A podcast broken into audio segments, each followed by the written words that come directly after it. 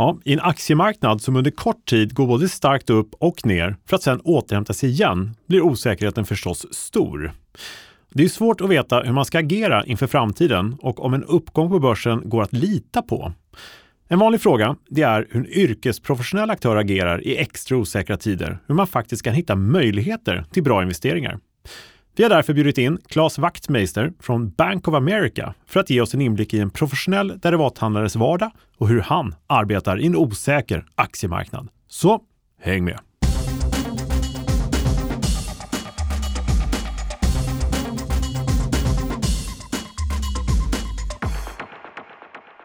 Ja, välkommen tillbaka till Optionspodden. Här är ju podden som ger dig kunskaper som ingen privat eller professionell investerare på börsen bör vara utan. Här pratar vi om börsens hela verktygslåda. Vi har kommit till avsnittet nummer 74 och jag står mitt emot Thomas Bernholm från Nasdaq. Just det. Hej Kalle! Hej! Hur står, hur står det till? ja, det står ju upp till. Det står Just- bra till. Bra, Jag står ju upp. Vi står upp och poddar. än så länge. Ja, Ja. än så länge. Eh, välkommen tillbaka. Tack så mycket. Mm, känns det bra? Ja, Du har stått här still sen sist. Nej inte riktigt. Nej, jag tog en liten okej. paus. Ja, jag förstår. Men eh, det ser bra ut i alla fall, tycker jag. låter bra. Mm. Hur är läget på börsen? Ja, det har varit ganska starkt på sistone i alla fall ju. Mm. Eller hur? Men sen ska du svara lite grann på det också i optionstermer. Mm, det ska jag absolut göra. Mm. Risktermer och lite sånt där. Mm. Men eh, det är ju eh, lite farhågor kring den här börsen. Nu har det gått upp lite grann. Eh, och det är bra. Mm. Alla tenderar till att bli glada när det går upp. Ja men det är ju så. Man blir liksom så här lugn och fin när det har gått upp några dagar. Så. Men kan man lita på den här uppgången? Är frågan. Det är vanliga eh, frågetecken här i dessa tider faktiskt. Mm. Det går upp och det går ner och går upp igen och sådär. Och det är mycket inflationssnack och det är mycket krig och så här, förberedelse till att försvara sig ute i världen politiskt och, och sådär. Så att eh, mm, vi behöver helt enkelt alternativ till vår vanliga aktiehandel. Exakt. Och vad har vi då för instrument att använda oss av? Optioner och terminer skulle jag säga. Mm, precis. Och då är det ju så här en allvarligt menad fråga. Bör investerare vara utan kunskaper om derivathandel egentligen? Nej. Nej, det är liksom hela syftet i vår existens på något sätt.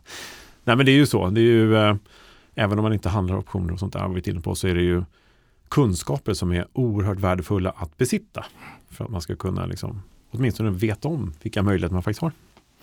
Eller? Verkligen. Och idag har vi en gäst med oss också. Ja, det har vi. Mm. Och det ska bli intressant att höra Claes Wachtmeister från Bank of America. Exakt. Det, Spännande. ja, det ska bli väldigt spännande och framförallt så är det ju en, eh, någonting som är efterfrågat. Det är liksom hur yrkesprofessionella aktörerna, som vi har haft en del tidigare, men hur de tänker lite grann. Mm. Och kanske framförallt i de här tiderna. Så det ska bli intressant att höra. Eh, kloka visdomsord och inspiration från Claes här om, om ett litet tag. Men nu vänder jag på frågan lite grann, Mm. Kalle, om hur börsen mår. Då. Ska, vi ta, ska du ta och berätta lite grann om det? ska vi kolla? Ja. Då gör vi det. Ja, Kalle, hur Mm. är då läget på börsen? Läget på börsen är ganska glatt för närvarande. Mm. Vi har ju eh, någon sorts återhämtningsfas. Eh, jag vet inte om jag ska kalla det för återhämtningsfas riktigt, men det är en uppgående fas i alla fall. Det stod återhämtning någonstans, så jag bara citerar det. Men det är ju någonting eh, som jag sa alldeles nyss, när det går upp på börsen så blir det optimistiskt och folk blir lite lättare och vips så är liksom många farhågor borta. Sådär.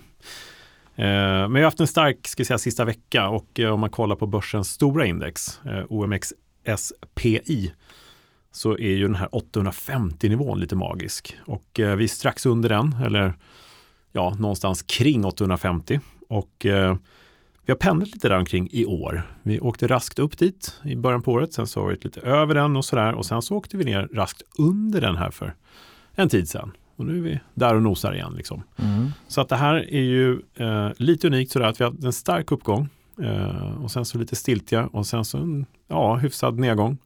Sådär en liten sättning i marknaden så har vi Mm. samma uppgång igen ungefär. Eh, lite åt det hållet. Ja. Eh, as we speak. Så att eh, man kan säga att den här 850 nivån det är lite psykologiskt nästan. Frågan är, kommer det att hålla liksom, den nivån? Det är lite där farhågan är. Tittar vi på risken då på VIX-index så har vi ju förra gången vi pratade för ett par veckor sedan så var ju VIX eh, en bit över 20 Just som det. vi kallar för normalnivån. Den hade kommit upp lite grann då. Ja, det hade den gjort och eh, den har faktiskt varit bra mycket högre än så också. Den har varit på 28, 29 tror jag den har printat och stängt någonstans på 26 ungefär. Så att det var tilltagande risk här för en tid sedan. Var. Mm.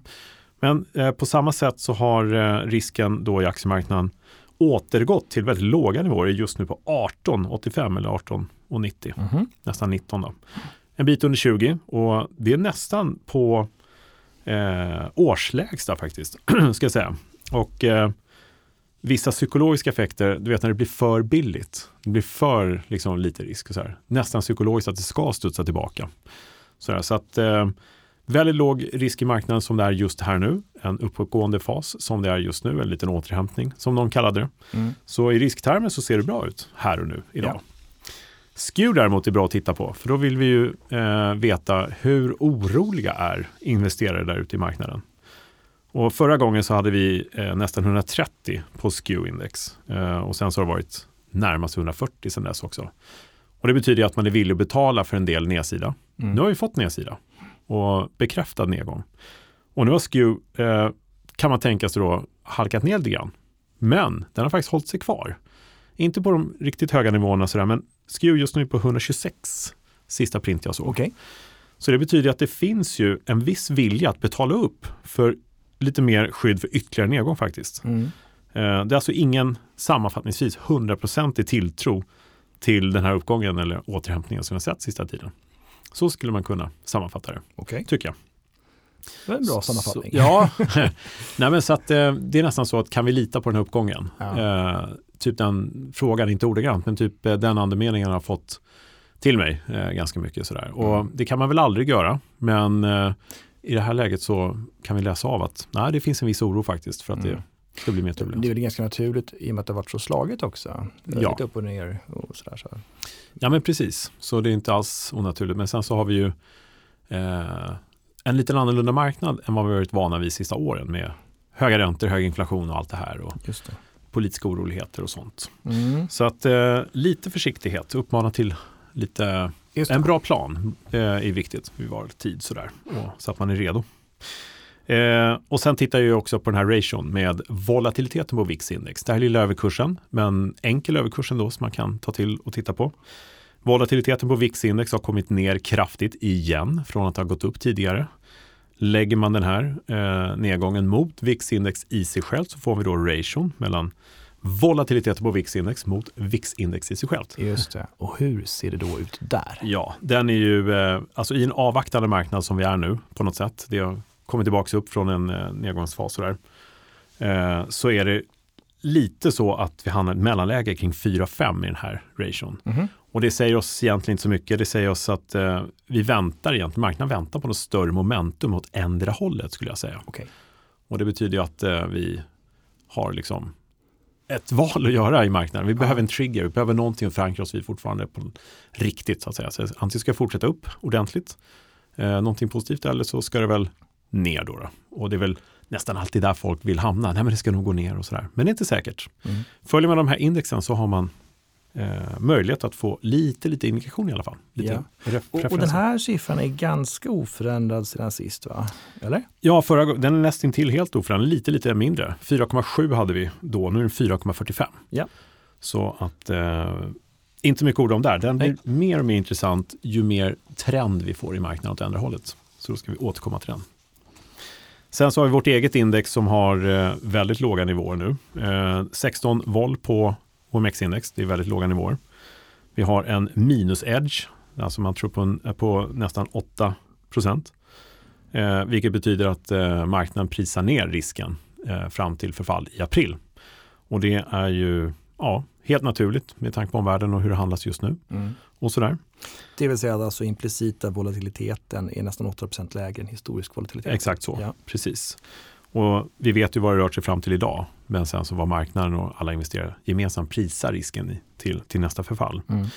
Och några, ett par stycken exempel bara. Man kan gå in och titta på optionsbloggen.se på den här edge-listan som jag gör då. Men man kan titta till exempel på Ericsson har varit lite på tapeten av någon anledning igen. Där har vi väldigt hög implicit volatilitet och en edge på plus 17 procentenheter. Hmm. Eh, historiskt har Ericsson inte rört sig så himla mycket i förhållande till vad man tror att det ska röra sig.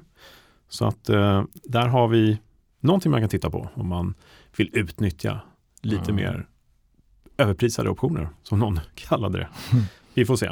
Hennes och Maurits en annan, där har vi en historisk volatilitet som har varit eh, hög på 58 procent nästan. Mm. Men där vet vi ju, det kommer ju väldigt bra statistik av Hennes och Mauritz. Den gick ja, upp exakt. väldigt kraftigt. Och vad händer med risken då framöver? Då sjunker den. Så här har vi då eh, en implicit volatilitet på 24 och en, ja, över 33 punkter i minus edge helt enkelt.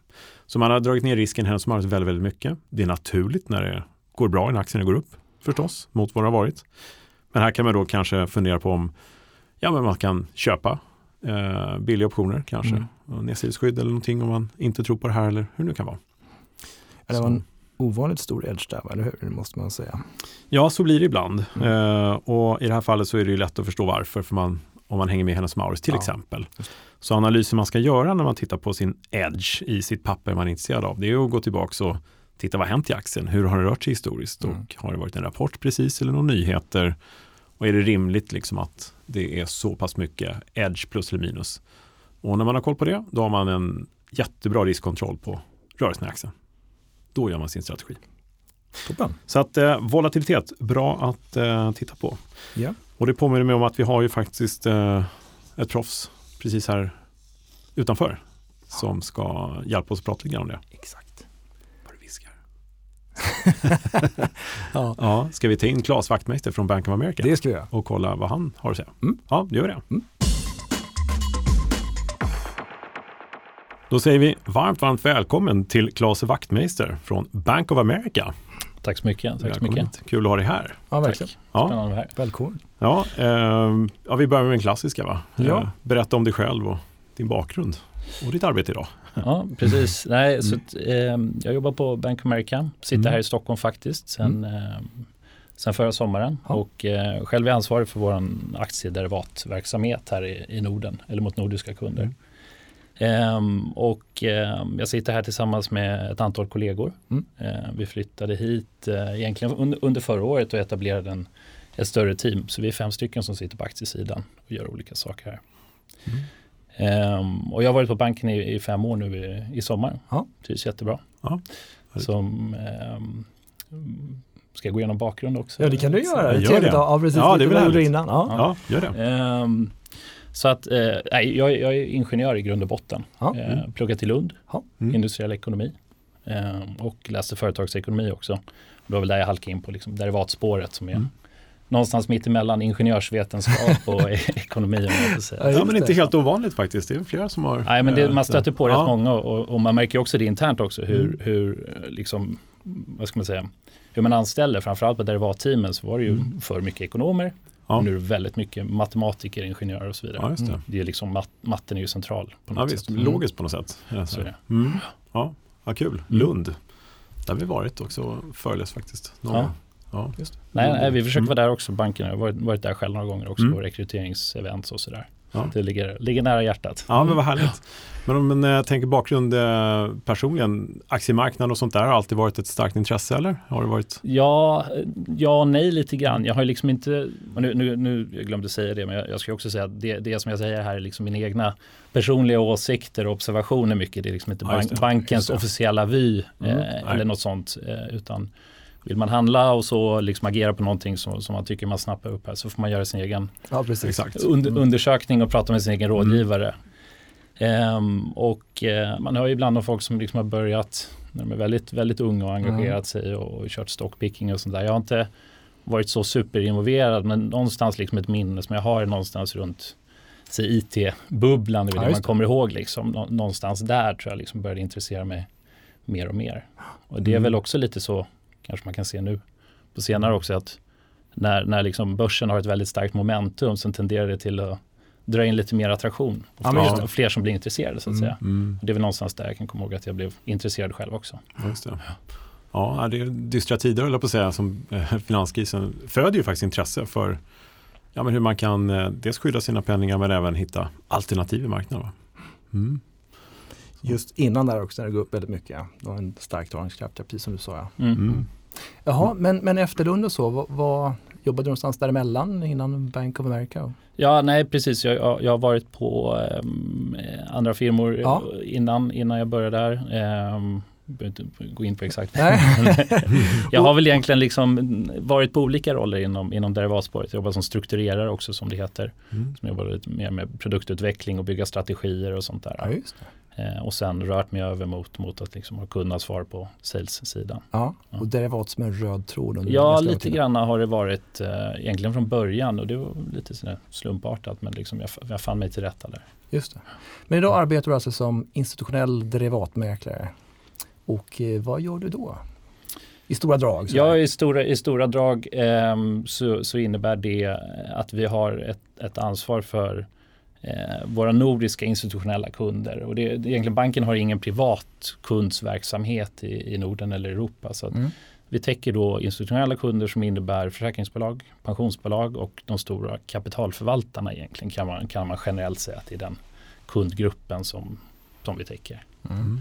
Eh, och sen vad det innebär mer konkret är väl att vi försöker hjälpa kunderna med allting som innebär där de skulle kunna vilja använda derivat för att effektivisera sin aktieförvaltning egentligen. Så att, mm. eller, eller skydda exponering mm. eller ta mer exponering eller något sånt. Så att det försöker vara behjälpliga eh, både i idégenerering men också exekvering Eh, där man använder derivat i förvaltningen egentligen. Mm, just det. Gör lite extra verktyg till en lite stökig marknad kanske sådär. Absolut. Mm. Och så är det i synnerhet i tider som, tider som dessa. Ja, jag skulle precis fråga det. Just tider som dessa, det antar att det har varit en eh, ja, men lite mer efterfrågan kanske efter sådana lösningar som har med optioner och derivat att göra. Ja, men det, så är det. Och, mm. och, det ser man ju generellt sett att i tider av mm. turbulens på marknaden så ökar volymerna ganska mycket så det blir mycket, mycket aktivitet det man ser ganska tydligt är att när, när marknaden är stökig mm. så tror jag att folk inser att man vill ha fler verktyg i verktygslådan mm. än att kanske ja. bara köpa och sälja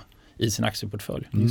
Ja, kan det vara så att en kund till exempel säger till dig att jag vill skydda den på den här nivån eller jag vill skydda sig så mycket och sen skapar du en liten lösning så att säga. Du liksom kommer ett förslag på en strategi. Ja men så, så är det mångt och mycket mm. faktiskt. Att man har någonstans, det finns ju olika anledningar. Dels så kanske man har som, som kund och en, en, liksom en, en nivå där man vet att man är komfortabel och, och ha sin aktierisk till en, till en viss nivå men efter det så vill man kanske ha en lägre eh, aktierisk. Och då, då pratar vi om säljoptioner helt enkelt mm. eller, eller mm. puts på engelska. Att man, man vill köpa det vid en viss strike kanske.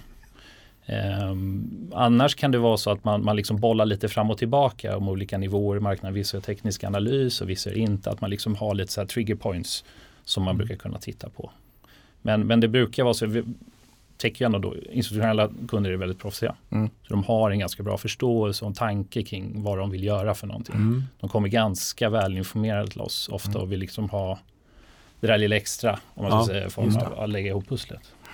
För det har varit eh, en del frågor, vi får mycket frågor och sådär. Och eh, en så här röd tråd i sista tidens frågeställning, om jag säga så, är att bli lite extra osäkert. Det har gått upp jättemycket i början på 2023 och sen så har det blivit lite vinstamtagning eller gått ner i alla fall och sen så har det gått upp nu igen och det blir lite kan vi lita på det här ungefär? Mm. Uh, känner du att det finns uh, en osäkerhet där ute eller känner du själv att det är svårare ska jag säga, i en sån här marknad som vi har nu?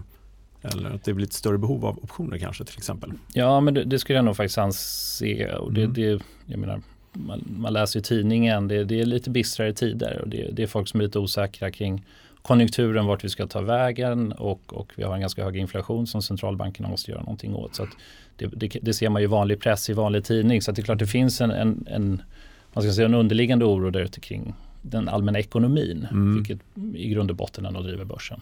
Ja, eh, så jag tror att folk är kanske lite försiktiga det är väl själva också på att liksom tycka att all, all fara är över efter de här veckorna av turbulens vi har haft och att mm. vi, vi kan röra oss vidare härifrån. Mm. Eh, och det är intressant mm. att titta på, på liksom, optionsmarknaden är också att dels så ser vi väldigt snabba rörelser i aktieindex i enskilda namn och så vidare. Men också volatiliteten, mm. den implicita volatiliteten rör sig extremt snabbt också. Mm. Ja, det gör det. Så där är ju då, i, i optionsvärlden får man ju ha koll på båda sakerna. Dels att börsen rör sig upp och ner men också att volatiliteten rör sig väldigt ja, upp precis. och ner. Mm. Ja. Ja.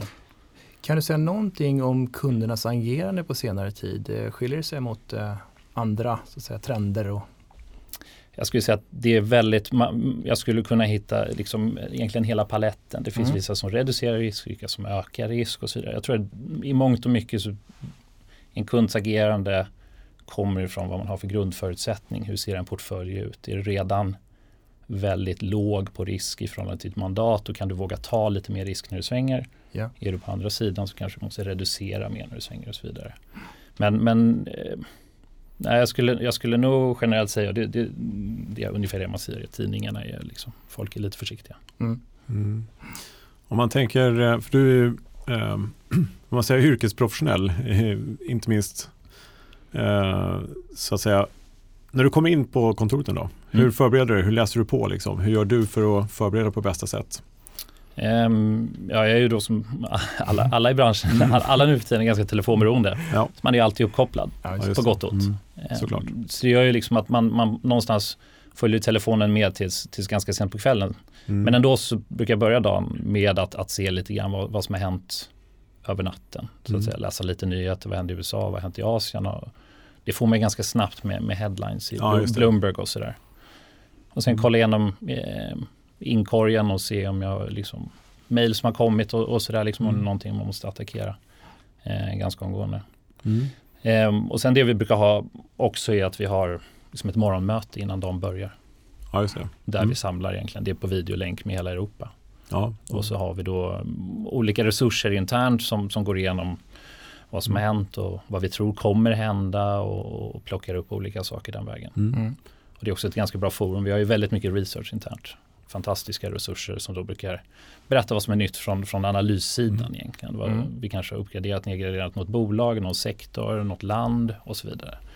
Mm. Och- Så har man med sig det in i, in i dagen sen. Just det. Och vi pratade lite grann om skapande av affärsförslag baserat på kanske kunders önskemål och så. Men är det även så att du tar då information från till exempel då research team och sånt och Mm. skapar case som du kan då sprida? Så är det absolut. Ja. Ehm, och det kan ju triggas av att, att vi har då en förändring i en, en, en rating eller rekommendation från Ja, bankens sida. Officiella research ändrar från, från sälj till köp eller, eller något sånt. Och då kan man ju då tycka att eh, eh, vissa, att det, det är ju inget självändamål heller. Det kanske inte ser intressant ut med en de- derivataffär just då. Men gör det det så kan det ju vara då ett komplement till att man, man, man kan implementera den här idén genom att, att få en, mer, en bättre risk-reward än att köpa aktien helt enkelt. Ja. Om det är en uppgradering i fråga så att säga. Så att då brukar vi försöka titta och då använder man ju såklart analysens bakgrund i att eh, formulera en idé. Mm. Jag menar, om du har en idé som säger att ja, men vi uppgraderar den här aktien, vi tror att den ska gå till 30. Då har du liksom en siffra. Som du, då kan du tänka med den i, i en optionsstruktur. Liksom. Okej, Mm, vi tror den ska upp till klokt. 30. Det kanske är en ganska högt target. Okej, Mm. liksom, hur ska jag ligga då? Hur bekväma är vi med nedsiderisken? Mm. Kan, jag- kan jag liksom ställa en säljoption där nere? Vågar jag det? Och, Ja. och så vidare. Liksom. Så det är också det att du får en, en siffra på en aktienivå Ja. då som man kan jobba lite runt. Ett mål, liksom en target. Exakt. Ja, exakt. kanon. Ja. Känner att den biten har blivit eh, svårare nu när ja, men marknaden har varit lite hoppig och det är lite osäkert med inflation och det är krig i Ukraina som eskalerar, på eller håller på i alla fall. Känner att den här biten har blivit svårare att hitta den här targeten kanske och jobba Ja. kring den. Det, det tycker jag också är jättesvårt och det blir ju Mm. vår sida, för vi handlar i mångt och mycket väldigt mycket indexprodukter, Mm. sektorprodukter och så, så Mm. det blir väldigt mycket makro i det vi gör. Ja. Och, och framförallt i sådana här tider när det rör sig ganska mycket blir det kanske ännu mer makro än mikro. Jag menar enskilda Mm. aktiecase då, att man jobbar mer liksom case på, på, Mm. eh, på indexnivå. Och det som vi har sett på sistone så är det väldigt mycket som har drivits av räntemiljön egentligen. Mm. Räntornas upp eller nedgång har ju påverkat börsen till väldigt stor mån faktiskt. Och Ja. sen då i, såna här idiosynkratiska utfall om man ska säga som det här med bank. Bankerna har ju Ja, varit lite eh, extra volatila på sistone får man ju säga. Eh, Mm. Men, men i mångt och mycket så är det räntan som har drivit börsens rörelse på sistone. Ja. Ganska lång sikt nu. På tal om volatilitet, bara, eller implicit volatilitet som du själv sa. Är det också så att du gör case baserat på den snarare än riktning på ett underliggande? Det... Ja, men det, det gör vi ju absolut. Så Ja. att, så att, eh, och det är väl egentligen två olika sätt att handla optioner på. Om man ska verkligen generalisera det. Så gör du en, antingen som ett alternativ till att äga underliggande så du, jobbar, du har med i delta så att säga, Mm. riktning i affären. Mm. Eller så är du då en mer ren, renodlad volatilitetstrader eller, eller förvaltare. Ja. Så vill du kanske ha mindre relation i din affär till underliggandes riktning. Kanske kan vara en ren arbitrageaffär där du försöker liksom sälja en typ av volatilitet för att köpa en annan ja, och få ut en, en premie där ur. Mm. Och så vidare. Så det är två olika typer av affärer men den här rena eh, volatilitetsaffärerna gör vi en, en del också. De, det blir hela analysen blir lite annorlunda egentligen. Mm. Kan det vara då sektorbaserat eller kanske ett index här mot ett index eh, någon annanstans, något annat land och sådär som man kör sådana? Ja, det finns alla varianter Ja. faktiskt. Göra. Mm. Så det, det är väldigt mycket beroende på, ja, man får egentligen, alltså du börjar med vad kundens mandat, vad, vad, vad är intressant att titta på, vad passar, vad, vad söker kunden. Mm. Eh, vi har ju ändå ganska många kunder så det blir väldigt lite som vi gör liksom i självändamål så att det mesta försöker vi liksom göra för att det ska vara det finns ju otroligt många case som ser intressant ut på pappret Mm. men inte Mm. liksom är relevanta i verkligheten. Nej, just det. så att Nej. säga. Nej. Så att det, blir, det blir ofta index och sektorer egentligen när det kommer till mer rena volatilitetsaffärer skulle jag säga. Det, det, det. det får man nog säga att det är och det, så tror jag det är Ja. överlag och, och så. Du nämnde ju deltan här precis också. Mm. Och eh, hur tittar du, eller tittar du mycket på optionsgreken och sådär? Och kanske är det någon så här favorit eller vad ska säga? Det eller? Ja, alltså det, det är ju A och O Mm. egentligen. Det, det är det dagen går ut på till mångt och mycket. Eller liksom, vad ska man säga, framförallt när det gäller det här att du ska konstruera en det, det är klart, många affärer som vi gör är ju en option, ett ben. Ja. Men de flesta tror jag som väldigt många gör det som handlar mycket är liksom fler ben Mm. än ett. Och det är just för att du kanske vill balansera av de olika grekerna med varandra. Och då blir det ju väldigt viktigt att titta på de här delta, gamma, vega, täta och så vidare. Mm. Och sen, sen listan där fortsätter ju. Mm. Men det beror egentligen på i, I mångt och mycket så är det så att deltat är ju den största, det är den som drar mest, det är den som förändras mest så Ja. att säga. Mm. Så har, har en kund som handlar en option för att de vill ha riktning i affären delta, då blir de andra affärerna eller andra grekerna sekundära på något Mm. sätt i mångt och mycket. Medan om det då är en mer vollbaserad trade som man inte har med deltat, då blir de andra grekerna skulle jag säga min personliga åsikt då, mer viktiga. Så Ja, att säga. Mm. Mm. Även om det är alltid viktigt att veta vilket täte du betalar Ja, men såklart. visst. Eller Ja. tar in. Mm. Men betyder det att det kan eh, förekomma ganska sofistikerade strategier i det du gör? Alltså med många ben och sådär som Ja men det kan vara allt med bläckfiskar. Ja, Bläckfiskar, den är- det är ja, många ben. ben. Ja, åtta, precis. åttabening. Ja, nej men det, det kan bli och det där är kanske också inte en initiering av en affär. Kanske inte. Men, men om man liksom säger att du ska så att du har handlat lite grann, marknaden har rört sig och du liksom vill rensa upp lite eller liksom och få lite sådär så att man liksom Mm. samlar ihop flera olika gamla affärer till en, en affär Ja, eller ja. sånt där. Då kan det liksom bli, kan det bli en, en, en del att hålla koll på. Mm. Så att det är klart att det kan figurera rätt många ben och då, och då då kan det se ut som att det, ja, grekerna kan bli lite liksom stök, stökiga. Det kan de bli. Det kan bli stökigt. Ja. Men har du någon eh, eh, personlig favorit då sådär? Så det där är Eh, ju min fråga, är det inte det? Ja, jag vet. Jag snodde den av. Så Thomas gillar ju eh, eh, ratio mot innehav. Liksom. Jaså? Ja. Ja. Ja, nej, men den, Ja. det, det, jag, Mm. Ja, förlåt att jag avbröt. Mm. ehm, jag, jag tycker överlag att, eller jag tycker inte, det är väl en, en liksom akademisk observation, är att implicit volatilitet över tid tenderar till att handla över realiserad. Mm. Så egentligen, Mm. i, I någon mening säger det i teorin då att du överbetalar för en option. Mm. Eh, kontra vad man får realiserat. Det finns Ja. en riskpremie där. Det är intressant. Det. Och, och, och det gör ju att med den kunskapen eh, så kan jag tycka att det är ofta intressant att vara netto kort optioner för att erhålla den premien egentligen. Över tid. Det är lite som sån här, eh, ställa en koll på ägt innehav. Mm. Det gör ju lite grann Mm. kanske den åsikten att liksom, Ja, men den kolen är lite dyrare än vad den borde vara. Det är sällan aktien kommer hela vägen dit Nej. upp och så vidare. Du får lite extra inkomst. Så att Mm. det jag gillar är egentligen att, att ta då, det blir flera ben, trebeningar Mm. Liksom ja. där Mm. jag kanske ställer två optioner och köper en. Ja, just det. Mm. Alltså call, call spread collar, put spread collar. Så jag köper en call spread, säljer en put. Ja, just det. Mm. Köper en put spread, säljer en call. Mm. Det. Och det är, en, det, är en, det är en trade jag gör för riktning i mångt Mm. och mycket. De, Ja. de, de tycker jag väldigt ofta ser bra ut. Ja. Mm. Eh, framförallt eftersom de netto då är korta volatilitet ofta. Ja. Eller nästan alltid. Så ser de väldigt bra ut när det är lite turbulent på marknaden och du kanske vill ta en, en affär med riktning. Men eh, bara inom vissa intervall. Så Ja. Och så har du statistiken på din sida med volatiliteten. Liksom. Precis. Och, och då om man går in i en sån affär när volatiliteten är då även i absoluta mått mätt ganska hög. Mm. Så tenderar det till att över tid fungera till ens fördel kan jag tycka. Mm. Ja, superintressant, det finns ju så mycket att eh, utforska kring just volatilitet och optionspremium. Och liksom tiden fram till förfall och vad som händer och statistiskt sådär. Och det är väl kanske någonting eh, som många kanske missar emellanåt. Eller de kanske, nu kan man ju köpa en call och putta användning för det också. Men här finns det ju den nivån som förstås du sysslar med varje dag i, ditt arbets, i din arbetsvardag. Men finns det någon möjlighet, brukar du titta på volatilitet och analysera marknad på något sätt och se att nu ställer de upp vollen i det här pappret eller index där eller tittar du på SKEW på nedsidan och sånt där någonting för att analysera? Ja, jättemycket skulle jag Ja. säga. Så SKEW är ett, ett fantastiskt bra verktyg skulle Mm. jag säga, arbeta med. Mm. Och det passar ofta en, en, eh, en som är lång aktier överlag att, att arbeta med SKEW.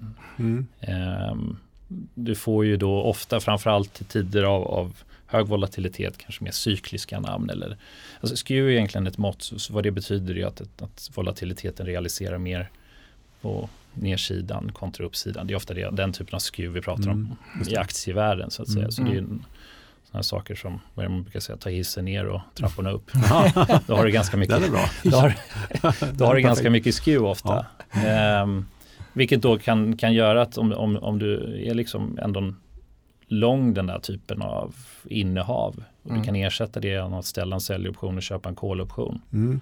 Det tror jag pratats om i podden tidigare, Ja. den typen av affärer. Ja, Så säljer du skew.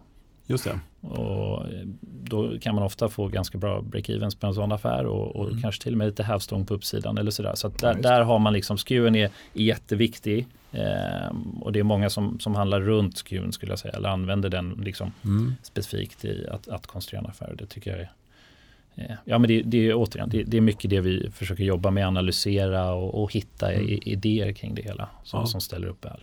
Ja, men precis. Det finns mycket information att hämta Mm. eh, av volatiliteten. Ja, verkligen. Vad, vad är din syn annars på intresset för optionshandeln? Är det tilltagande eller märker du något trendbrott eller så? Ja, men jag skulle nog säga att det är tilltagande. Ja. Det, det är ju eh, det är volatilt i sig skulle jag säga. Men Ja. Jag kan någonstans tycka att det är tilltalande. Jag tror också att liksom den här kanske perceptionen eller den här marknadsoron lite grann som finns ehm, gör att det ökar lite grann för man behöver fler verktyg i sin verktygslåda. Mm. Mm. Det, det är också, det har skrivits mycket om på sistone att vi liksom kommer ifrån en tid av där centralbankerna, vi har haft lå, lå, låga räntor och ganska mycket stimulanser från Mm. centralbankshåll och det har liksom varit ganska lätt på något sätt. Det har, det har inte alltid sett lätt ut men det har, i efterhand kan man titta och sett liksom att vi har konstant lägre räntor och ganska mycket stimulanser från, från eh, olika håll och kanter. Det har varit en, en ganska fin aktiemarknad under en Ja. väldigt lång tid. Verkligen. Lyxig på något sätt. Väldigt lyxig. Ja. Hade man vetat det för 15 år sedan så hade man ju kunnat ta i lite mer Ja. Ja. Men, men jag tror väl att det är många som anser att vi, vi börjar liksom, och det har vi ju sett med räntehöjningar, att vi börjar komma liksom, Mm. börjar få lite mer motstånd i det där. Mm. Och då tror jag att man kanske tittar lite mer på optioner för att ehm, det man kan göra är då till exempel om man köper skydd på nedsidan, ställer calls på uppsidan är att du liksom tajtar till din distribution lite grann. Mm. Begränsa antalet utfall i att, att äga ett innehav. Och det Ja. kan, kan man nog tycka är aptitligt nu när saker och ting är lite mer osäkra. Mm. När det kommer till de här volatilitetsstrategierna vi pratade om tidigare. Mm. Kan du se att det finns, alltså i diskussioner du har eller det du liksom gör om dagarna, märker att det finns eh, kanske med intresse även där att göra mer, ska säga, mer sofistikerade affärer med mer analys? Har det också tilltagit lite grann kanske? Mm, det är svårt att, svårt att svara på utan att och, och gå in i, i liksom detalj och det sådär. Men, men ehm, jag skulle säga att affärerna som vi gör mycket är ganska enk, enkla ändå. Alltså det, i, I grund och botten, liksom, volymerna är väldigt enkla affärer Mm. på något sätt. Så jag, tr- jag tror mer, jag skulle säga att intresset för komplexitet ökar inte nödvändigtvis. Men jag skulle säga att intresset för att använda liksom vanliga optioner Mm. ökar. Ska jag säga. Ja, ja, men, Ja, superkul. ja, men visst, ja, men, eh, jag tror att vad är det, 85-90% då använder kanske bara ett optionskontrakt och får jättemycket ut av det. Man Ja. köper en putt på nedsidan kanske eller köper en call eller säljer en call, en covered call. Mm. Eh, och man kan ju få ut väldigt mycket av det. Men sen kan man ju förstås analysera jätte- jättemycket som du gör om dagarna. Eh, och ja, det kommer i alla fall mycket frågor hit till oss om Mm. hur man kan göra. Så det är jätteintressant att höra att det Mm. finns ju Och, och möjligheter. Den trenden har vi verkligen sett också bland privatpersoner. Mm. Tilltagande intresse och större volymer och sådär. Så det är superkul att folk även är aktiva då i turbulenta marknader och Mm. skyddar sig på nedsidan och sådär. Så, ja, men kul. Mm. Och sen är, ju- sen är ju, även om det här är en optionspodden och inte terminspodden. så- Mm. Ibland Nej, så, ja. terminsmarknaden är ju också, Ja. det, det är ju derivatinstrument också. Terminsmarknaden är ju fantastiskt användbar också i, i sådana här tider att hantera Verkligen. risk med. Ja, Så att fall liksom då sälja eller köpa sin hela portfölj på vare sig det är 30 namn eller, eller 3000 namn så Mm. får du ett väldigt användbart riskhanteringsinstrument Ja, termin att, att snabbt kunna. Och där är ju likviditeten i många marknader är fantastisk. Mm. Även om det är mycket prat om att mark- likviditeten på skärm har blivit sämre och sådär. Så liksom un, underliggande finns det Mm. väldigt mycket likviditet i marknaden fortfarande. men det gör och, du- det och du har ett väldigt in, in, effektivt instrument att använda för att hantera stora, stora riskvolymer egentligen. det är väl det mest omsatta kontraktet vi har på börsen va? Absolut. Terminskontraktet Ja. utan jämförelse. Precis. Ja. Mm. Men hur ser likviditeten ut i aktieoptioner och så? Ibland hör man eh, att eh, några som kanske säger att det kunde varit lite bättre och så. Men Ja. har någon Jag skulle säga att likviditet är, likviditeten är missförstådd skulle jag säga mångt och mycket. Och det, det är väldigt mycket det vi försöker jobba med. Och det är bankens roll, eller fler, många bank, alla bankers roll i någon mening är att ge likviditet. Så att absolut, om man tittar då på, på Nasdaq till exempel, då, orderboken på ett visst kontrakt så kan det se ut som att du inte kan göra institutionell volym där för att du har väldigt tunn likviditet, en kanske bred marknad och så vidare. Men det, där är ju väldigt mycket sånt som vi jobbar med, ju liksom blockaffärer om man Ja, säger, i, i, ehm, i optioner och terminer för den delen också. Så att, att erbjuda likviditet till konkurrensmässigt starka priser för, för kunderna. Eh, och där skulle jag säga att nästan alla blir positivt förvånade när man börjar prata om det, när de börjar fråga banker och så vidare. Liksom. Mm. Så att likviditeten finns där men du måste vad ska jag säga, fråga efter den Mm. eller leta Mm. efter den så Ja, dyker den upp. Men den, Mm. den kanske inte är där på skärm Nej. eller i, på, i centrala orderboken men, men den finns där för om, Mm. om den behövs. Ja. Sen tror jag att den kan ha förändrats över tid. Att den kanske har blivit mer konsoliderat och koncentrerat på, på färre som kan ta mycket risk. Ja, så att men säga. så är det det, har, det ja. har man ju hört om också. Att, Mm. det, har, det var annorlunda förr. Ja, det var, det var bättre förr brukar man Ja, det var, Men annorlunda förr låter, låter bättre. Precis. Ja. Nej, och jag menar, Mm. tittar man på alltså, Mm. S&P 500 som kanske är mest likvida optionskontrakterna som finns så kan du ju handla optionsvolymer i enskilda affär som är flera miljarder dollar. Ja. Jag ska inte säga utan problem för det, är alltid, det, det gäller att kunna hantera risken väl men det, det är fullt Mm. görbart och det går att göra i de europeiska indexen också, Mm. Eurostox 50 de här som är väldigt likvida. Mm. Jag menar individuella namn, det går att göra, inte, inte lika volym, mycket volym såklart i, i enskilda affär men, men det går att göra många eh, hundra miljoner Mm. svenska kronor Mm. och i vissa namn till och med samma belopp då i dollar. Så Ja. det går att göra ganska mycket volym i, i mer likvida namn. Det finns möjligheter. Det finns Mm. möjligheter. Det Ja. Ja, det. men det är ett bra Absolut. budskap. Ja, nej men det, det, det tycker jag. Ja. Vi, vi berörde lite grann här, det var bättre förr sa du, eller ja, alltså annorlunda förr rättare sagt. Och Så har du sett någon skillnad genom åren som är värda att nämna? Så där? Är det någonting som du har sett som har förändrats? Oh, det är svårt att svara på. Det, men det, det är teman skulle jag säga som kommer och går lite granna.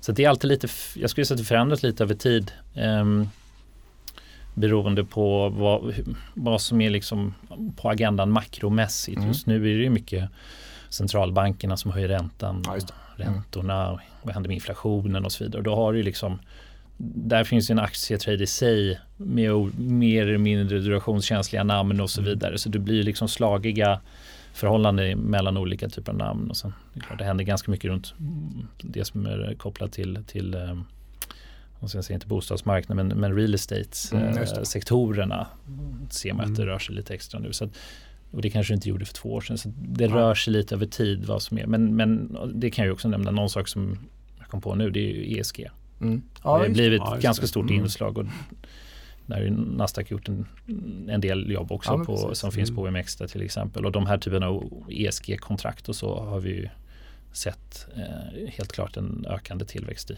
Mm. överlag. Så det, det är en ny trend. ja, det är Ja, bra. Bra jobbat Thomas. det är första gången du säger det. Ja, faktiskt. Nej, men eh, det är mycket, jag tänker, det är populärt. Vi pratar mycket om ESG. Ja, men verkligen. Mm. Eh, har du någon sån minnesvärd händelse från börsen? Det har du säkert många av, men är det någon som du skulle vilja lyfta fram särskilt som du har funderat på eller ska säga, som, som är värd att nämna? Så det, det som ligger färskt i minnet, fortfarande relativt färskt, är ju covid-episoden, Ja. Ja, den det. initiala där med liksom börs, Mm. börsfallen. var ju någon form av eh, allting flöt ihop på något sätt. Ja. Eh, Så det, det kommer ihåg, det var ju väldigt intensivt.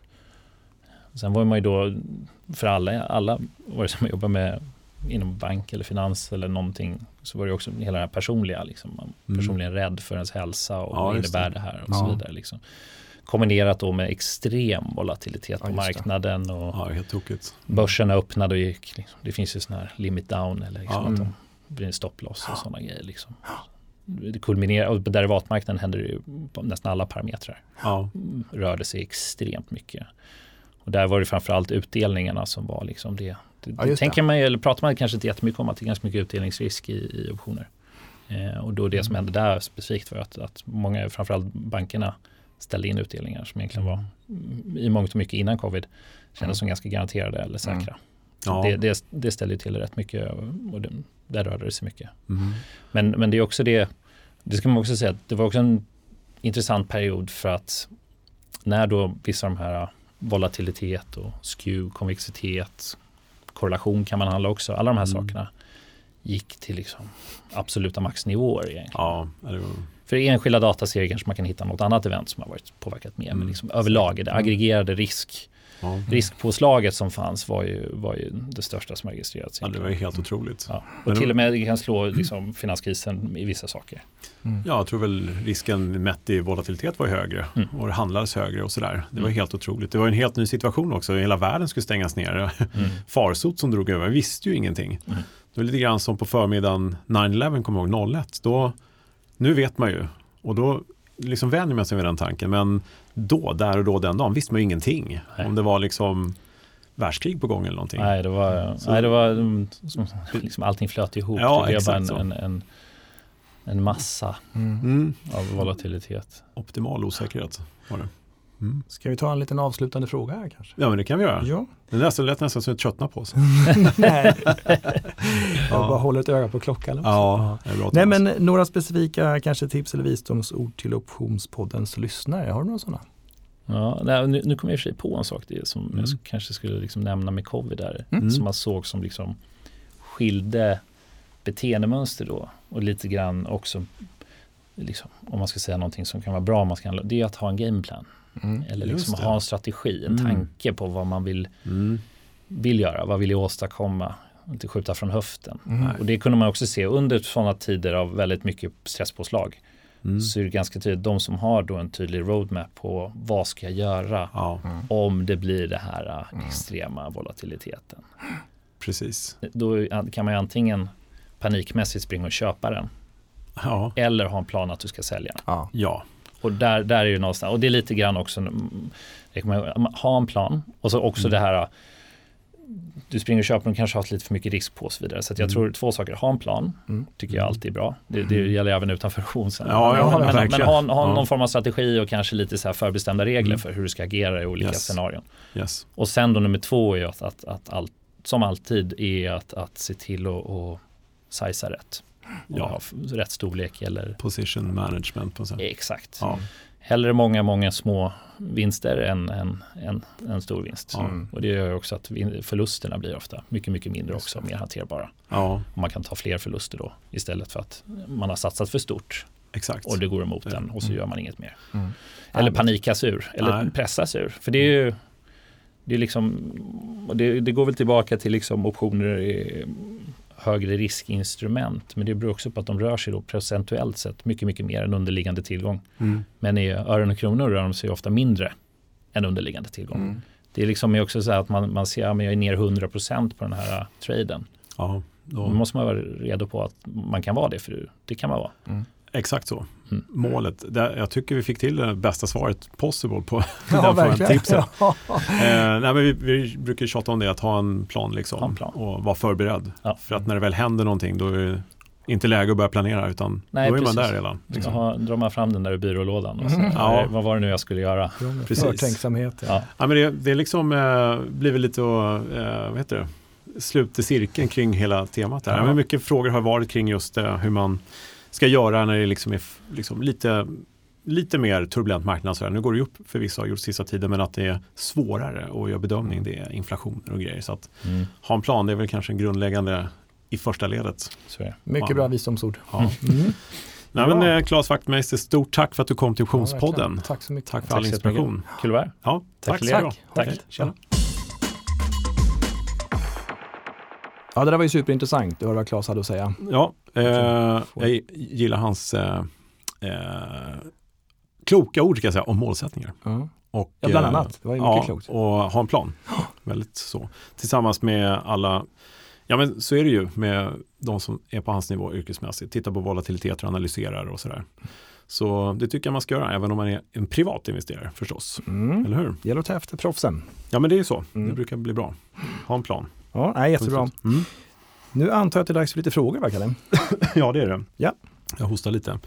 Men eh, vi har, ja, vi får lite frågor på olika nivåer. Vill du säga någonting nu eller? Nej, ja, alltså vad har du för frågor? ja. kan jag ju säga. Det är så här att stå upp med munnen bara. "Ah." Ja, men Johan har frågat, vad är put call parity som ni pratat om tidigare och hur använder man det? Mm. Vad säger du om den?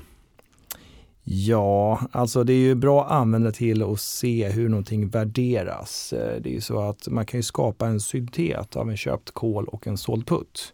Mm. Och då ska det, då det ligga i linje med eh, terminen som den värderas mot. Ja, det måste göra det. Mm. Annars har vi ett Annars- arbitrage. Exakt. Ja.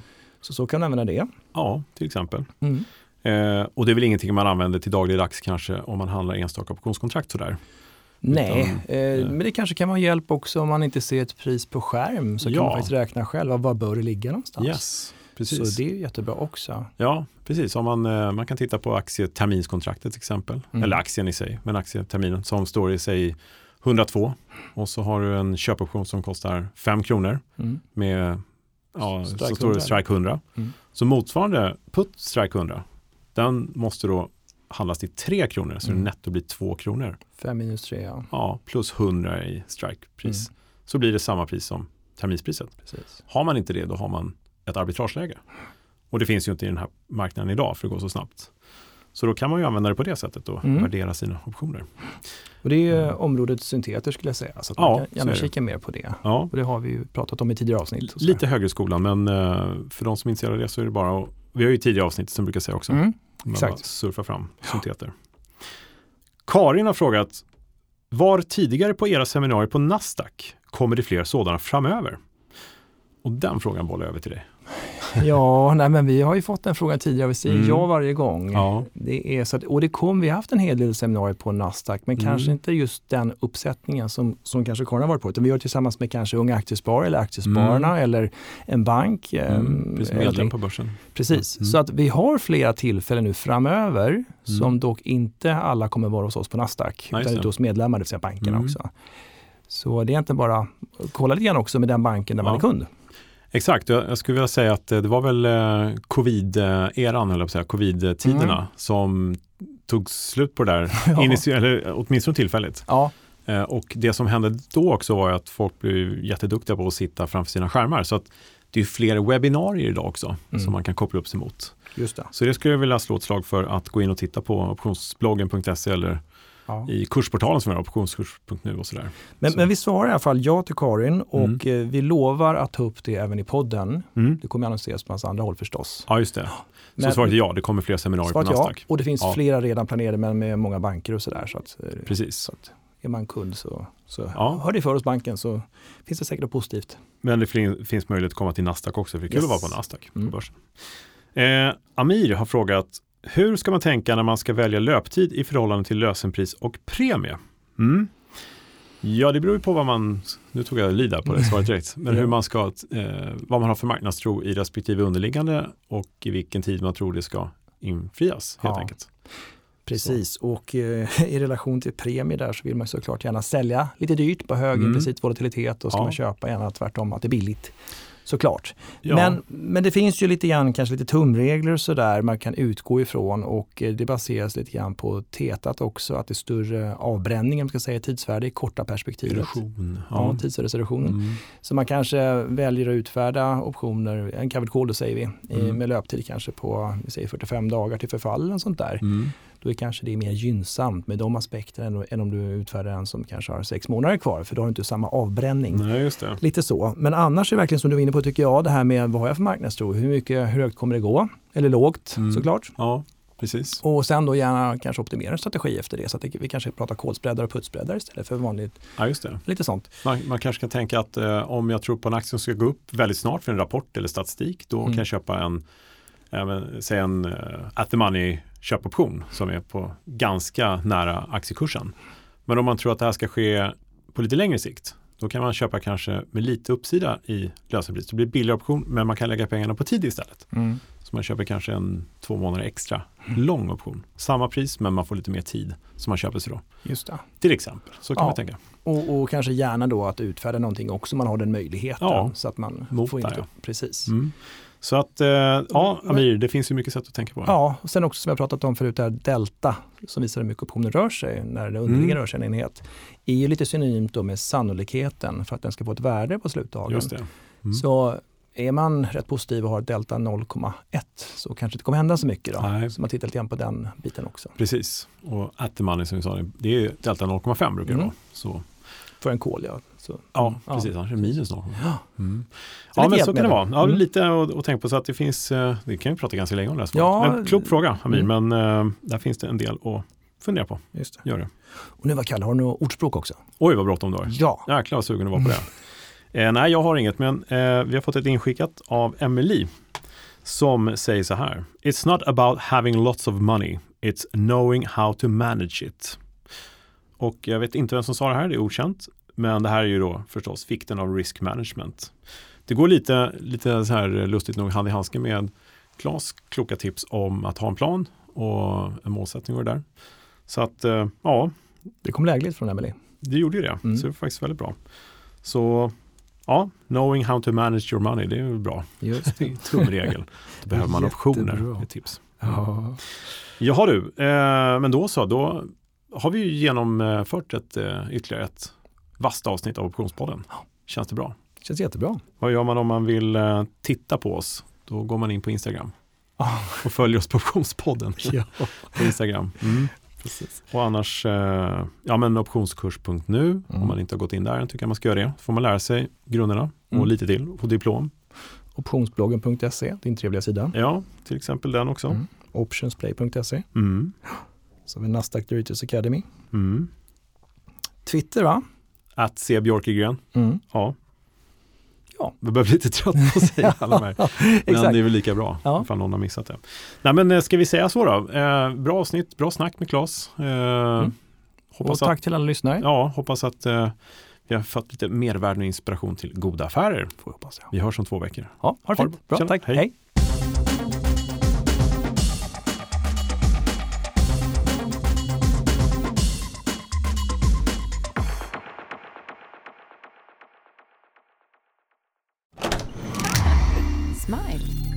Den här podden spelas in hos Smile.